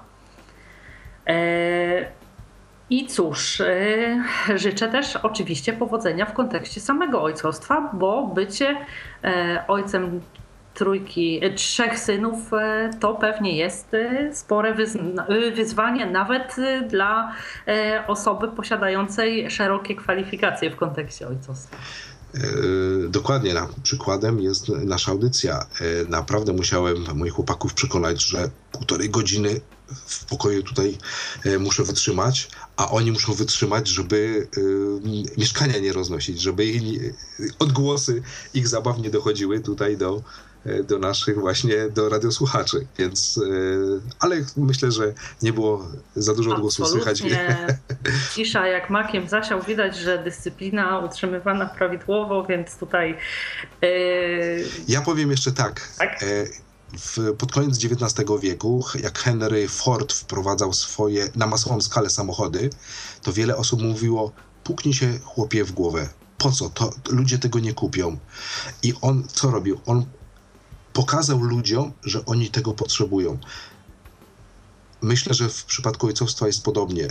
Trzeba wielu osobom pokazywać, że to jest ważne i że jest pewna potrzeba mocnego i e, takiego odpowiedzialnego zaangażowania, a to niejednokrotnie może być pobudzone poprzez udział i kontakt z innymi ojcami. Niekoniecznie to muszą być warsztaty, ale mhm. rozmowy z różnymi ojcami, a wcale to nie jest e, sprawa popularna, jak się panowie spotkają, to o tym ojcostwie opowiadają. O innych rzeczach jak najbardziej to bardzo łatwie, łatwo przychodzi. E, jeśli chodzi o to ojcostwo i o takich swoich problemach związanych z tym, jak sobie radzę, jak się inspiruję, jak, jak, jak, e, jak sprawiam, żeby ono było lepsze, to jest naprawdę różnie. Więc twórzmy taką i zachęcajmy ludzi właśnie do tego, żeby oni naprawdę mieli potrzebę spotkania i mówienia o tym. Jasne, twórzmy e, pozytywną aurę e, wokół ojcostwa, dlatego że ojcostwo jest potrzebne i jest takie myślę, że mm, takie ojcostwo zaangażowane, świadome i e, udane e, jest z korzyścią dla samego ojca, dla dzieci, które e, otrzymują i mm, prawidłowe wzorce dotyczące tego właśnie pierwiastka męskiego w rodzinie. Są też po prostu, ojcostwo jest też prawdziwe, prawidłowe, udane ojcostwo jest też e, takim e, fundamentem e, udanej rodziny, czyli udane ojcostwo fundamentem udanej rodziny. Dokładnie, to jest ojcostwo, to jest i przygoda, i myślę, że dla wielu facetów to powinien być pewien rodzaj kariery też. I ja tak to widzę i tak o tym mówię. Och, to e, bardzo się cieszę, że e, postrzega Pan ojcostwo w kategoriach pewnego prestiżu, bo to jest ogromnie rzadkie, a rzeczywiście. E, Ale nie rozwijamy już tego, już nie. kończymy audycję, nie rozwijamy. Przy innej nie rozwijamy, tak, oczywiście. Z przyjemnością przy innej okazji do tego wrócę. Ślicznie jeszcze raz dziękuję Panu za uczestnictwo w dzisiejszej audycji. Państwu przypomnę, że Państwa i moim gościem był Pan Grzegorz Rzeszutek, ojciec wieloformatowy. Dziękuję bardzo bardzo. Dziękuję bardzo, było mi bardzo miło. Mnie również. E, w takim razie zapraszam do wysłuchania e, kolejnych e, tyflo pod, odcinków Tyflo Podcastu i w imieniu naszego dzisiejszego gościa, realizującego nasz podcast dziś Michała Dziwisza oraz własnych, mówię już Państwu do usłyszenia. Kłaniam się, Ala Witek. Był to Tyflo Podcast. Pierwszy polski podcast dla niewidomych i słabowidzących.